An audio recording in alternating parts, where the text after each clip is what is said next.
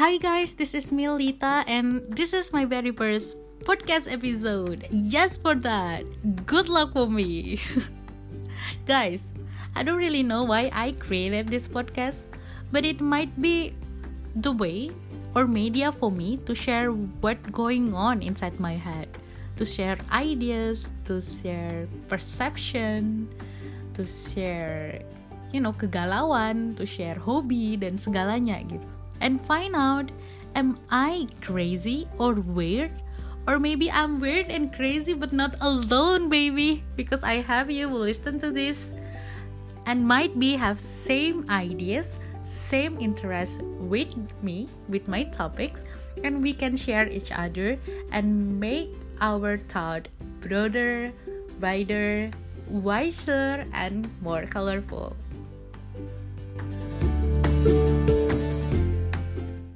Nah guys, di episode pertama kali ini setelah menjalani proses yang cukup lama memilah dan memilih topik gitu ya Akhirnya aku menentukan pengen banget sharing ke kalian atau ngobrol sama kalian tentang what so called as corporate terrorist apa sih corporate teroris bahasanya nggak awam deh gitu ya. Emang nggak awam sih karena ini tuh kayak pop up gitu di kepala guys.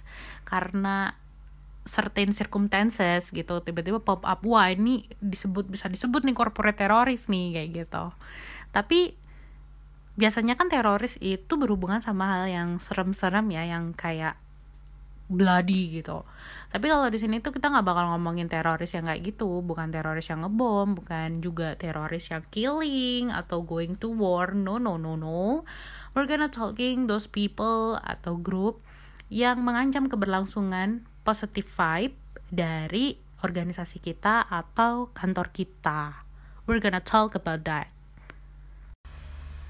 Kepikiran konsep corporate teroris sendiri itu karena keinget subjek pas kuliah dulu sih guys. Jadi aku tuh kuliah di ilmu hubungan internasional. Itu kan masih satu mazhab sama ilmu politik tuh. Di dalamnya ada mata kuliah political communication. Nah pelajaran itu tuh salah satunya ngajarin kalau terorisme itu adalah bentuk dari komunikasi yang pelakunya kemudian disebut teroris Terus why they choose to do terror instead of talking in a good way gitu ya. Menurut si subjek itu lagi itu karena memang komunikasi secara baik-baik itu udah gagal gitu, udah nggak bisa. Faktornya macam-macam, bisa jadi emang pemerintahnya otoriter gitu yang ya sekate gue gitu gue mau kayak A ya masyarakat harus ikut A gitu. Nggak mendengarkan aspirasi masyarakat totalitas gitu komunikasi dibatasi dan yang lain-lain.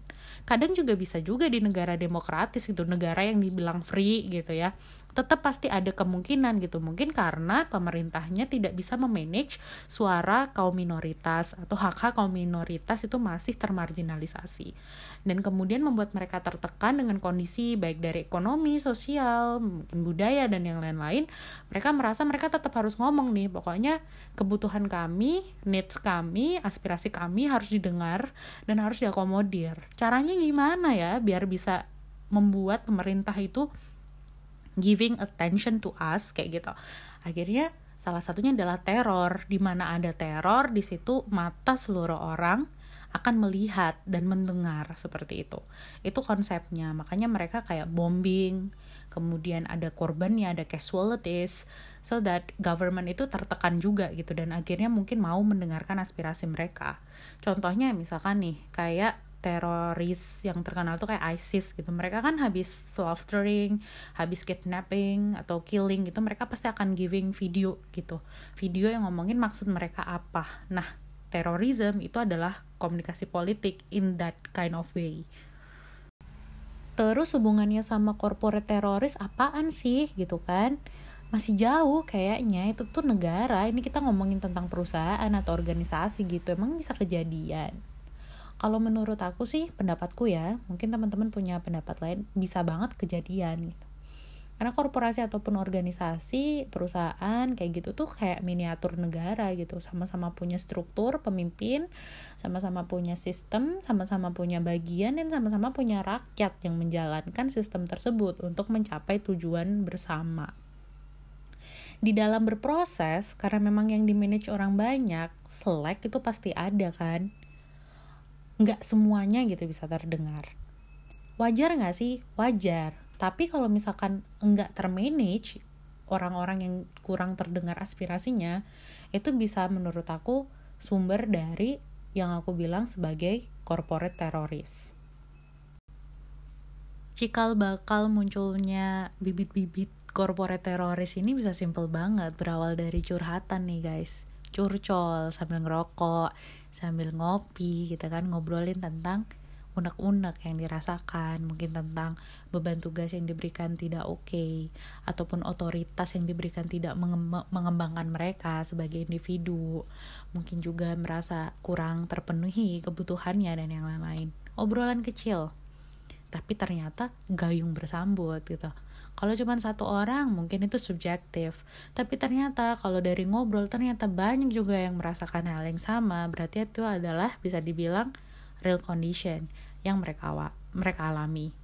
Mereka saling ngobrol saling menceritakan menggebu-gebu ngobrol tapi situasinya negatif itu akan membuat the negative feeling is stronger. Dan kemudian kalau memang orangnya banyak this kind of vibe itu membuat atau menciptakan yang namanya toxic environment di organisasi atau corporate. Nah, kalau misalkan this toxic environment atau negative vibe itu udah mulai kerasa, ini tuh ngedrain the rest of positive people inside the organization.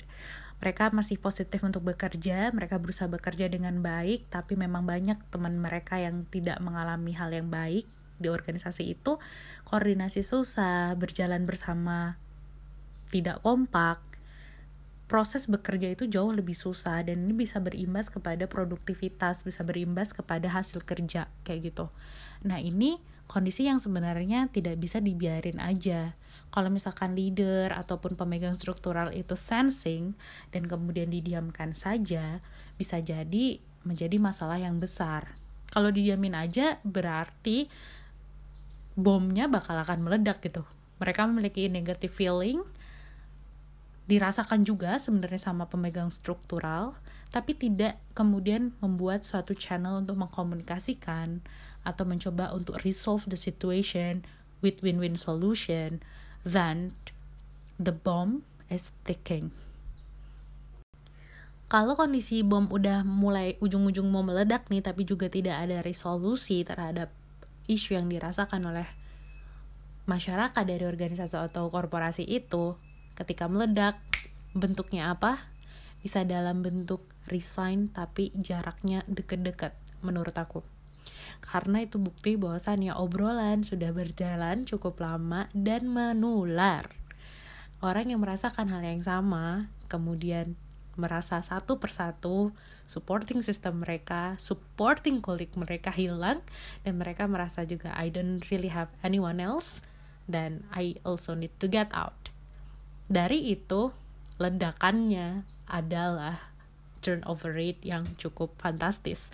Dan ini cukup teror menurut aku. Menurut aku ya, cukup teror karena apa? Sekarang itu kompetisi employee market itu cukup tinggi. Kehilangan orang bersamaan itu sulit banget buat mengisinya. Itu yang pertama. Yang kedua, setelah itu adalah organisasi ataupun company itu need good branding. Tapi kalau misalkan yang merasakan negativity itu a lot of people, it might impact their company branding yang juga impacted buat nantinya mereka hiring talent ke depannya. Dan kemudian kalau misalkan turnover berada pada kondisi yang cukup lama, kekosongan fungsi cukup lama, tentunya itu akan membuat proses pencapaian target juga semakin sulit. Kemudian meradang, kondisi negatif berjalan begitu lama dan ini bisa benar-benar menjadi kondisi yang banget banget harus dihindari oleh organisasi ataupun korporasi.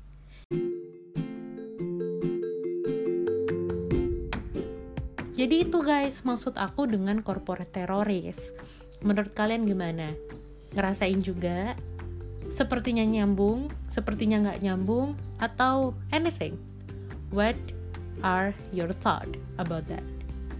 please tell me and i hope you guys enjoy this first podcast episode and see you in my next episode